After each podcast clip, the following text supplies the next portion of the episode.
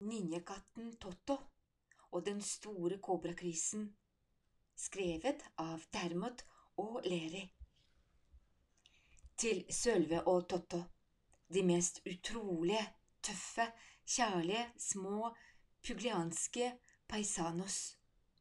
Og til alle dere der ute som også vet at katten deres lever et dobbeltliv som ninja om natten, men som holder på hemmeligheten. Kapittel 1 Totto hadde en av de beste drømmene i sitt liv. Den inneholdt blant annet en enorm pepperoni-pizza, et lass spagetti carbonara og til dessert det lodne ansiktet hennes boret ned i en diger tiramisu-kake. Da hun brått og brutalt ble revet tilbake til en kald natt i London. Krasj, bang og ikke minst kladank var ikke i nærheten av å beskrive det fryktelige bråket som forstyrret freden og den ellers søvnige gaten. Det var en sånn natt der du og jeg ville ha ligget i senga med ekstra pledd og varmeflaske. En sånn natt der ingen med vettet i behold ville finne på å stå opp før den dørske vintersola kommer opp og gjør det nesten levelig å møte en ny dag. Og da snakker vi bare om oss mennesker. For katter, glem det. En katt ville heller dø enn å stå opp fra en deilig seng når det var så kaldt. Det ville ikke kunne vise seg i de finere kattekretser etter noe sånt, nei. Det overlater vi til rever og rotter, ville de fleste katter si. Vi får oss heller litt søvn, og så ses vi i morgen, sånn i tja, ellevetiden. Derfor var Totto irritert, trøtt og lite grann skremt da hun hørte det voldsomme spektakelet fra søppelspannene utenfor. Totto så på menneskene sine. De finner ut av dette, ikke sant, tenkte hun. De hadde ikke leet øyelokk, de rørte seg ikke engang. Ærlig talt, mumlet Totto for seg selv, hvem er kattene, og hvem er menneskene her?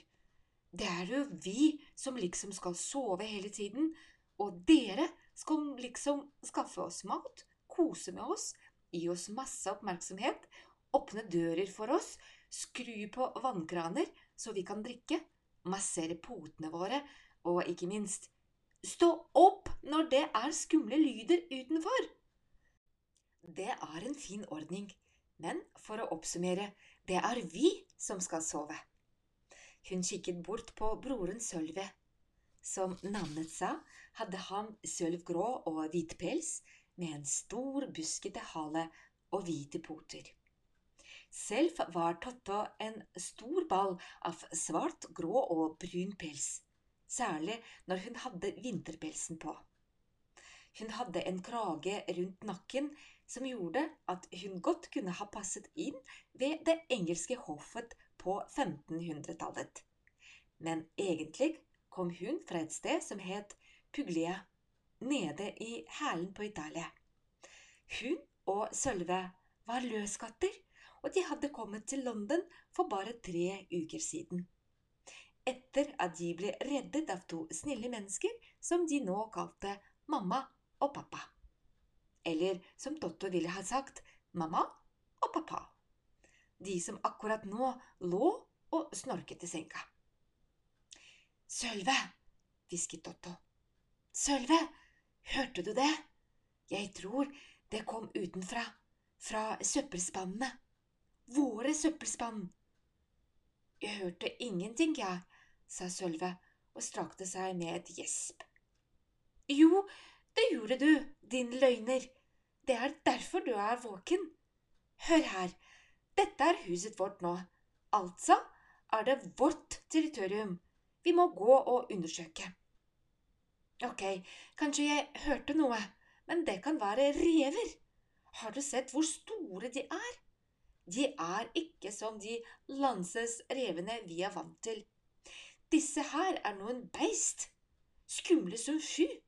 Vi blir bare her og venter til det holder opp. Du er redd, sa Totto. Altså, nei, det er bare veldig kaldt ute.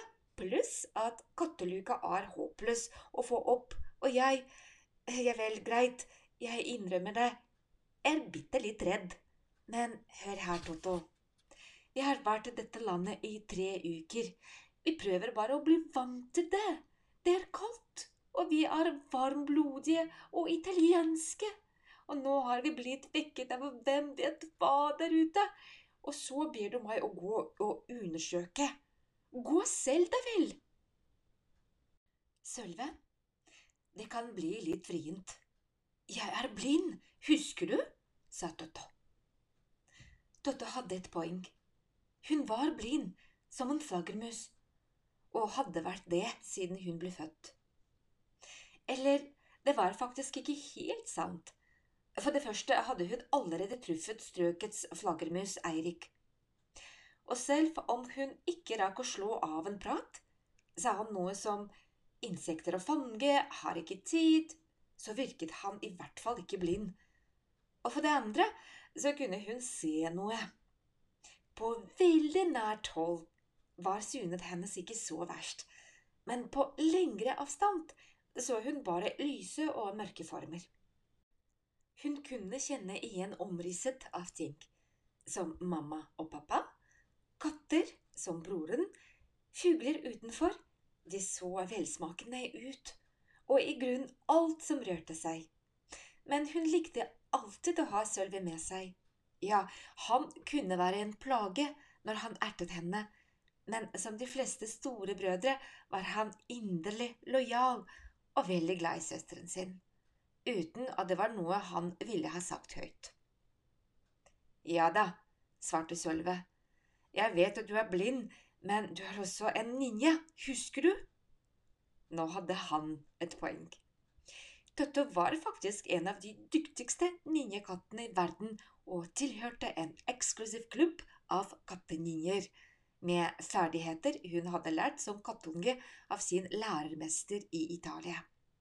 En gammel skipskatt som het Ventura, som i sin tur hadde lært det av sin mester i Japan, som i sin tur kunne spore ninjekunstene hundrevis av år tilbake i tid. Med andre ord, ja, Sølve hadde et poeng. Totto kunne ta vare på seg selv. Greit, sa Totto. Vi går ned sammen. Du på grunn av øynene. Og skjermen, la Sølve til. Ja, og skjermen, sa Totto og himlet med øynene. Og jeg på grunn av dine dødelige ninjekunster, avsluttet Sølve. Avtale, sa Totto. Avtale, sa Sølve. Sølve hadde rett. Ninja eller ei, katteluka var et mareritt å komme seg gjennom. Hvorfor kunne ikke mamma og pappa bare la døra stå åpen? Døtte og Sølve hadde vokst opp i en olivenlund, så alt som hadde med dører og katteluker å gjøre, var fortsatt litt uvant for dem. Men så fort de var ute, var det enkelt nok. Rett gjennom hagen, over muren og så var de på forsiden av huset der søppelspannene sto. I bekmørket lyste månen opp en diger skikkelse, dobbelt så stor som dem. Den øvre halvparten hang uelegant over kanten av spannet, mens den riktig så formfulle bakken og beinet dinglet fritt i nattluften. Ok, hvisket Totto, der de gjemte seg bak en bil i oppkjørselen. Det er i hvert fall ikke en rev. Totto, du kan ikke se. Hvordan kan du vite det? svarte Sølve. Ikke vær frekk. Jeg kan se former, omriss, lys, skygger og disse her. Hun pekte sint på ørene og værhårene sine. Er ikke bare til pynt, vet du. Jeg kan sanse ting. Dessuten, syns du det ser ut som en rev? Hm, nei, sa Sølve. Den ligner i grunnen ikke på en rev, men hva det kan da være, aner jeg ikke. For stor til å være en rotte, men den er altfor feit til å være en katt. Da den kom opp fra spannet med fullt av matrester rundt bunnen, ble mysteriet klarere, men bare litt. Dyret hadde lysbrun pels og var kledd i en tweedjakke med en liten hatt på hodet og et rødt tørkle knyttet rundt halsen. Døtte og Sølve så forvirret på hverandre. Var det en katt likevel? Det måtte det være, bare en veldig rar og diger en. En ting var sikkert, den prøvde ikke akkurat å gjemme seg, sånn som den bråkte. Jeg tror den er en av oss, hvisket Totto. Synd, sa Sølve. Jeg hadde gjerne tatt en rotteburger som nattmat. Det er det beste med London, alle de gode rottene. Å, kjære vene, mumlet skapningen for seg selv. For et herremåltid! Førsteklasses! Dette må være et av mine yndlingsspann i hele London. Deilig makrellbein, deilig rest av gammel pastei, et lite stykke brie. Totte og Sølve kikket fram bak bilen før de krøket seg ned igjen, enda mer forvirret enn før. Hva er det han babler om? hvisket Totto. Aner ikke, sa Sølve, men han koser seg visst. Men det er vårt søppelspann, sa Totto. Utenfor vårt hus. Vil du virkelig spise fra et søppelspann? sa Sølve. Totto, vi lever som grever her, vi får tre måltider om dagen. Fra boks! Boks, Totto! Vi blir dullet med, elsket, forgudet. Vennene våre hjemme i Italia hadde gitt bort halen sin for dette her. Og du bekymrer deg for et søppelspann? Jo, jo, greit, men han er jo på vårt territorium, så la oss gå og se nærmere på ham, sa Totto. Jeg er redd bak deg, sa Sølve. Når det gjaldt stille og dødelig sniking, var Totto en ekspert, selv blant katter. Takket være ninja-treningen kunne hun bevege seg nesten lydløst. Takket være værhårene visste hun alltid nøyaktig hvor hun var, og takket være den fabelaktige hørselen kunne hun oppfatte hver minste bevegelse i en kilometers omkrets. Hun var så stille at hun praktisk talt var usynlig. Dessverre kunne ikke det samme sies om broren. Tøtto skulle til å si Hør her, når vi kommer bort, er dette planen. Men hun ble avbrutt av at Sølve snublet over en liten busk. Hvordan var det mulig? sa hun til seg selv. Det ville ha vært lettere å ikke snuble i den og landet på ryggen til Totto, sånn at de begge falt langflate foran føttene på den mystiske inntrengeren. Åh! skrek inntrengeren og skvatt to meter rett til værs. Da han landet, skjøt en uvanlig lang, tynn hale ut under tweedjakken før den forsvant igjen. Jaså, ser man det, sa skapningen og så ned på den. To feiningen som sniker seg inn på meg mens jeg nyter en sen aftens fra mitt eget spann, hva? Hva har dere å si til deres forsvar?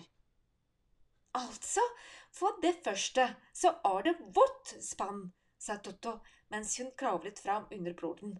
For det andre så har vi akkurat flyttet hit fra Italia, men dette er vår hage, og vi liker dårlig å ha andre katter på vårt territorium.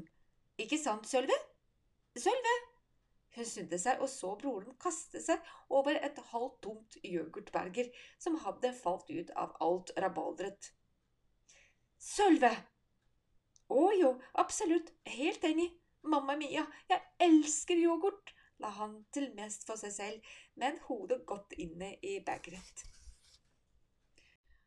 Åh, ja vel, selvfølgelig, sa inntrengeren fort, og fikk noe listig over seg. Som dere kan se, er jeg en katt. Og jeg ante ikke at andre katter hadde flyttet inn her. Så jeg har vel bare tenkt på dette spannet som mitt. Ingen skade skjedd. Som du sa, vi er alle katter. Hurra for katter! Ja vel, så den unge mannen med hodet i et beger er altså Sølve, og du er Totto, svarte hun litt overrasket over hvor sjarmerende denne merkelige katten var. Og du er?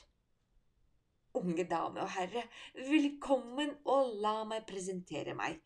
Dere har gleden av å stifte bekjentskap med Aleksander Rotinov den 33. Men dere godtfolk kan tiltale meg slik alle mine venner gjør. Mitt navn er Kattefjes. Kattefjes? sa Totto og Sølvi i kor. Ja. Du er en katt som heter Kattefjes? Ja. De mener ikke å være uhøflige, sa Totto, men det er et rart navn. Fjeset ditt ser åpenbart ut som en katt fordi du er en katt. Å, dere er nykomne her i London, men jeg kan forsikre dere om at det er svært vanlig, ja, faktisk siste skrik i de finere kattekretser å kalle ungene sine kattefjes. Et flott navn, sa han mens han fingret med halstørkleet og så veldig nervøs ut. Ja, sikkert, mumlet Totto til Sølve. Uansett, nå som vi har stiftet bekjentskap, nei, vennskap, la meg bare spise det siste av denne deilige blien. Ah, for en stank! Totte og Sølve så på hverandre og trakk på skuldrene. Nydelig! Ja vel, mine unge venner, sa Kattefjes og slikket det siste av osten fra labbene. Dere har akkurat flyttet hit. Hva syns dere om den nye hjemmebyen deres? Har dere sett kronjuvelene? Backenham Palace? Statsministerboligen? London Zoo? Det er noen fantastiske skapninger å se der, skjønt mange av dem har sans for små kattegodbiter, som oss, så det er sikkert best å ligge unna. Kom igjen, La meg få høre førsteinntrykkene deres. Totto Sølve så tomt på ham. Hva er det? sa Kattefjes. Vi aner ikke hva du snakker om, sa Sølve. Kattefjes så forferdet ut.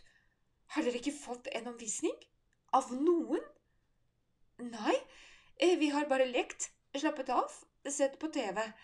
Foreldrene våre ser mye på naturprogrammer, noen av de kattene de har der, du, digre, sa Sølve.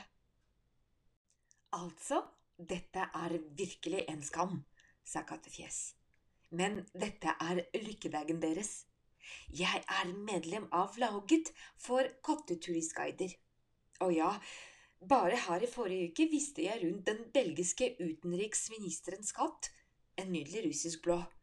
Og i natt etter dette deilige måltidet fra spannet deres, står jeg i gjeld til dere, så jeg står gratis til disposisjon de neste timene for å vise dere denne praktfulle byen vår. Hva sier dere? Altså, det er skikkelig kaldt, og jeg vet ikke om vi får lov av… begynte Sølve. Det vil vi gjerne, avbrøt Totto. Hvor begynner vi? Vi begynner selvsagt med en reise til London sentrum, sa Kattefjes. Ja vel, og, og hvordan kommer vi dit? sa Totto idet de begynte å gå bortover gaten. Som enhver London-borger med respekt for seg selv, kjære frøken, svarte Kattefjes. Vi tar banen.